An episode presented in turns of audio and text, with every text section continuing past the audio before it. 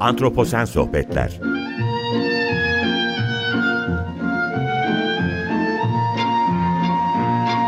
Hazırlayan ve sunan Utku Perktaş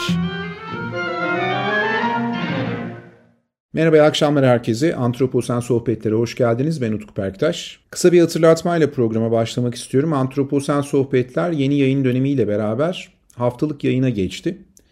Açık Dergi içerisinde Açık Radyo dinleyicileri her hafta Antroposen Sohbetleri dinleyebilecek bu yayın döneminde.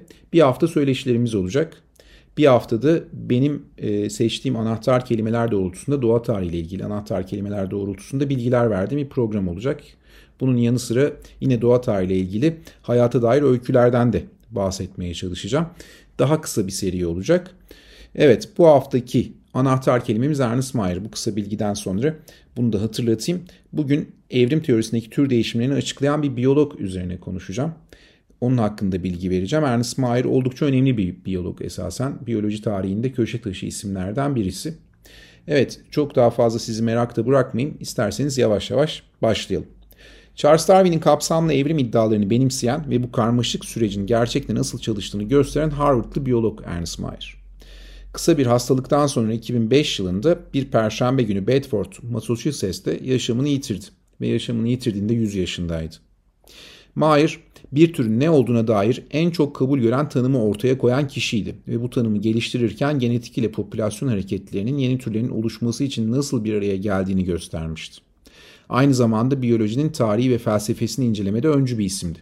Çok farklı sıfatlarla kendisini tanımlayabiliriz.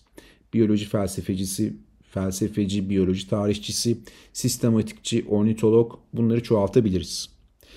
Hayatı boyunca hak ettiği saygıyı görmeyen biyoloji bilimini fizik, kimya ve astronomi gibi katı bilimlere eşit bir zemine oturtmak için yorulmadan çalışan kişi aynı zamanda Ernest Mayr. Bu anlamda birçok bilim insanı tarafından da çok farklı şekillerde tanımlandı.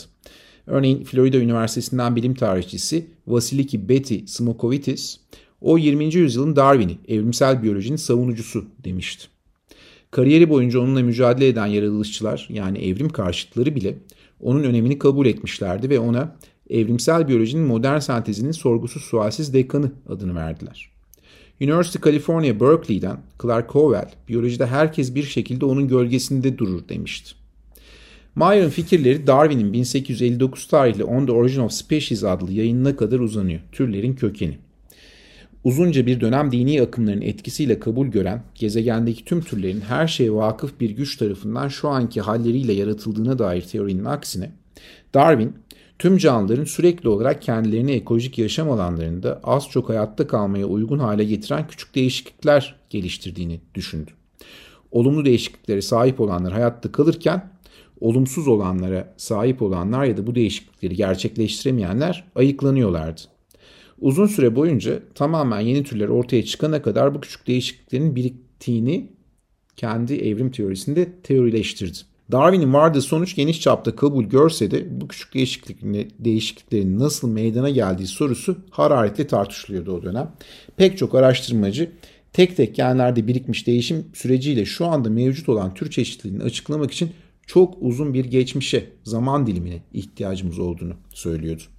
Yine dönem araştırmacıları yeni türlerin yaratılmasının aniden ortaya çıkan, bu türlerin ebeveynlerinden keskin bir şekilde ayrılmasını sağlayan mutasyonlarla mümkün olduğunu, ani ortaya çıkan mutasyonlarla mümkün olduğunu öne sürdüler. Genetikçilerdi bunlar. Uyum sağlayabilen özelliklere sahip olan döller hayatta kalırken yeni türler de böylece oluşuyorlardı. Genetikçiler de evet bunları söyleyenler ama bunlar arasında önemli bir genetikçi vardı Richard Goldschmidt. Esasen bu fikri keskin bir şekilde savunuyordu. Ve 1939'da Mayer Amerikan Doğa Tarihi Müzesi'nde çalışırken New York'ta Goldschmidt'in verdiği bir konferansa katılmak için Yale Üniversitesi'ne Connecticut'a gitti. Duydukları onu o kadar düşündürdü ve şaşırttı ki kendi sözleriyle şunları söylemişti. Evrim tartışmaları panoramasından bunları sileceğim. Sözünü verdi kendini. Bu yeminden doğan bir dizi kitap, makale ve konuşmalar ile o dönem çok meşhur bir genetikçi olan Dobzhansky ve yine paleontolog George Gaylord Simpson'ın eserlerini de yanına alarak yarım yüzyıldan fazla süredir varlığını sürdüren bir anlayış çekirdeği oluşturdu. Ve bu çekirdeğin merkezine de şu fikri yerleştirdi. Mayer, doğal seçilimin itici gücünün küçük popülasyonların coğrafi izolasyonu olduğu sonucuna vardı. Bu perspektifi oluşturduğunda. Çalışmaların aslında temeli yani bu perspektifin oluşmasının temeli bu fikrin ortaya atıldığı dönemden yaklaşık 20 yıl öncesine gider. Darwin Yeni Gine ve Solomon adalarında yaptığı bir dizi arazi çalışması vardı. O dönem kuşlarla ilgilenmeye başlamıştı ve Solomon Adaları ve Yeni Gine'de yaptığı çalışmalarda kuşlara odaklanıp o bölgenin kuşlarını kataloglamıştı ve coğrafi varyasyonu ortaya çıkartmaya çalışmıştı kuşlardaki renk varyasyonu, morfolojik değişkenliği. Mayer tüm tehditlere rağmen bu bölgeleri adım adım dolaştı. Bölgedeki tehditler humma, sıtma, dizanteri gibi hastalıklar yanı sıra yalnızlıkla da mücadele etmişti. Çünkü tek başınaydı ve bölgeyi ilk defa karış karış dolaşan bir bilimciydi. Mayer yakaladığı kuşların tüm özelliklerini kaydetmişti. Bazı kuşları da koleksiyona kazandırmak için, Doğa Tarihi Müzesi'ne getirmek için avlamıştı. Detaylı çalışmak istiyordu çünkü bunları ve sonraki yapacağı çalışmalardaki materyal olarak da kullanacaktı Doğa Tarihi Müzesi'nde. Sonraki yıllarda topladığı cennet kuşu sayısında dünya rekorunu elinde tuttuğuna dair sık sık şaka yaptığı da olmuştu esasen. Bu da ilginç bir e, anekdot. Araştırmalarını listelerken türlerin tanımlanmasına yönelik mevcut yöntemlerin ne yazık ki yetersiz olduğunu farkına vardı. O zamanlar iki büyük akım vardı esasında iki ana akım. Bunlardan bir tanesi İsveçli botanikçi Karline tarafından ortaya atılan bir akımdı. Türleri morfolojik olarak tanımlıyordu. Ee, ve bir diğeri de genetikçilerin ortaya koyduğu bir tanımlama şekliydi ki iki tanımlamada da Mayer'e göre önemli eksikler vardı esasen. Örneğin Line düşüncesine sahip olanlar çok farklı göründükleri için farklı türleri fark, farklı e, morfolojik özelliklere sahip bireyleri aynı türün bireyleri olsa bile buna çok karar vermeden farklı türler olarak tanımlayabiliyorlardı. Dolayısıyla bu önemli bir açık olarak taksonomide, sistematikte karşımıza çıkıyordu. Mayer da bu noktada e, kendi arazi çalışmalarıyla yaptığı ve mevcut literatürden elde ettiği birikimlerle yeni bir bakış açısı geliştirmeye çalıştı ve 1942 yılında dönüm noktası niteliğinde bir yayın ortaya çıktı. Sistematik ve türlerin kökeni. Mayer'ın kaleminden çıkan bu yayında yeni türlerin oluşumuna yol açan şeyin coğrafi izolasyon olduğu sonucuna vardı ve yeni türlerin oluşmasındaki en önemli izolasyon mekanizmasında coğrafi izolasyon yanı sıra üreme ile alakalı olarak ortaya çıkacağının altını çizdi ve biyolojik tür tanımını o dönemde biyolojiye kazandırmış oldu. Bugün biyoloji içerisinde en çok kabul gören tür tanımlarından biridir biyolojik tür tanımı. Ve bu bakış açısı yeni türlerin oluşumuna yol açan şeyin coğrafi izolasyon olduğu fikri Örneğin Avustralya'da tarihsel iklim değişiklikleri hadiselerini dikkate alacak olursak bir zamanlar kıtayı kaplayan geniş ormanların yavaş yavaş daha küçük ormanlık alanlara bölünmesine neden oluyor. Mesela iklim değişimi. Ormanlar arasında büyüyen çöller ormanların içindeki kuş popülasyonlarının izole olmasına sebep oluyor ve bunların çiftleşmesini engelliyor.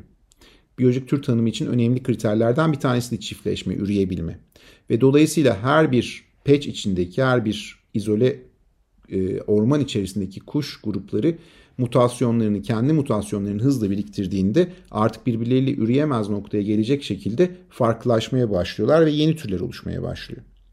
Sonuçta Mayer'ın ortaya koyduğu bu coğrafi türleşmenin türleşmenin hakim süreci olduğu fikri o dönemde 1942 yılında yayınladığı bu kitapla ve biyolojik tür tanımıyla biyoloji camiasına tanıtılmış oldu. Ve ciddi anlamda da kabul gören bir tanım oldu.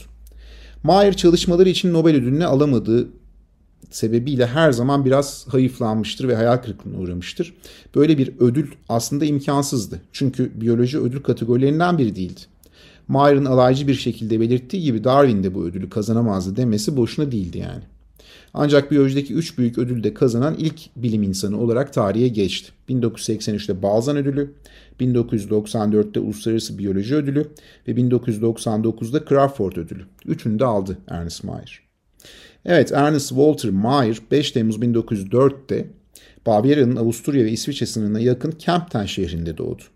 Babası bir yargıçtı ancak aile içinde çok sayıda hekim vardı ve o Griff, Griffwold Üniversitesi Tıp Fakültesine kaydoldu. Babası hevesli bir kuş gözlemcisiydi ve genç Ernest onun izinden gitti.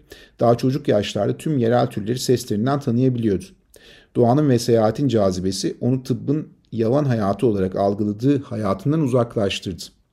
Harvard mezunlar bültenine şunları söylemişti. Uzak yerleri merak ediyordum ve bir tıp doktoru olarak seyahat etme şansımın çok düşük olacağını düşündüm demişti. Güney Pasifik'e yapılacak bir kuş ekspedisyonu için Lord Walter Rothschild'dan destek sözü alan Mayer tıp eğitimine ara verdi ve Berlin Üniversitesi'nde biyoloji doktorasını sadece 16 ayda tamamladı. İlk iki gezisinden sonra eve dönmeye hazırdı ancak Amerikan Doğa Tarihi Müzesi'nin Solomon Adaları'nda yapacağı bir gezi için bir ekspedisyon için kuş bilimciye ihtiyaçları vardı. Ve o da bu aranan kişi oldu ve çalışmalarına devam etti. Topladığı örnekleri New York'a getirdiğinde bunlar üzerine yaptığı çalışmalar 1953 yılına kadar Amerikan Doğa Tarihi Müzesi'nde New York'ta kalmasına sebep oldu. 1953'te Harvard tarafından işe alındı ve karşılaştırmalı zooloji müzesine geçti Harvard Üniversitesi'nde. Hayatı boyunca üretken bir bilimci oldu. 90'lı yaşlarında bile 5 kitap tamamladı. 660'tan fazla bilimsel makale ve 20 kitap yazdı toplamda. 55 yıllık eşi Margaret 1990 yılında öldü. Mayer o sırada arkadaşlarına hayatın bittiğini söylemişti ama iyileşti. 14 yıl daha işine devam etti. İki kızı ve 5 torunu oldu ve torunlarının da toplamda 10 çocuğu var bugün. Evet, Ernest Mayer'dan bahsetmek istemiştim. Kendisi önemli bir biyolog ve yine kısa bir alıntıyla aslında programı bitirmek istiyorum. Araştıran insan zihni sadece gerçekleri keşfetmekle tatmin olmaz. Aynı zamanda şeylerin nasıl gerçekleştiğini ve neden olduğunu da bilmek ister demiş Ernest Mayer ve kendisi de buna uygun bir şekilde bir kariyere sahip olmuş biyoloji içerisinde. Burada hemen bir şey daha hatırlatmak istiyorum. Ernest Mayer'in Türkçe'ye çevrilen eserleri önemli bir aslında külliyat var kendisi tarafından yazılan biraz önce söylediğim gibi. Türkçe'ye çevrilen de 3 farklı kitabı var. Bunlardan ilki biyoloji benzersiz kılan nedir? Bir diğeri evrim nedir? Ve bir diğeri de biyoloji budur, canlı dünyasının bilimi. Bu kitaplarda oldukça önemli bilgileri, biyoloji tarihi hakkında, biyoloji hakkında ve kavramlar hakkında oldukça önemli bilgileri e, bize veren kitaplar. Ben e, bilim tarihiyle ilgilenenleri, biyolojiyle ilgilenenleri bu kitapları okumalarını şiddetle tavsiye ediyorum. Evet bugün konumuz Ernest Mayer'dı. Neden Ernest Mayer olduğunu aslında anlatmaya çalıştım. Zannediyorum anlaşıldı. Antroposen sohbetlerin sonuna geldik. Önümüzdeki haftalarda tekrar buluşmak üzere. İyi akşamlar diliyorum. Hoşçakalın.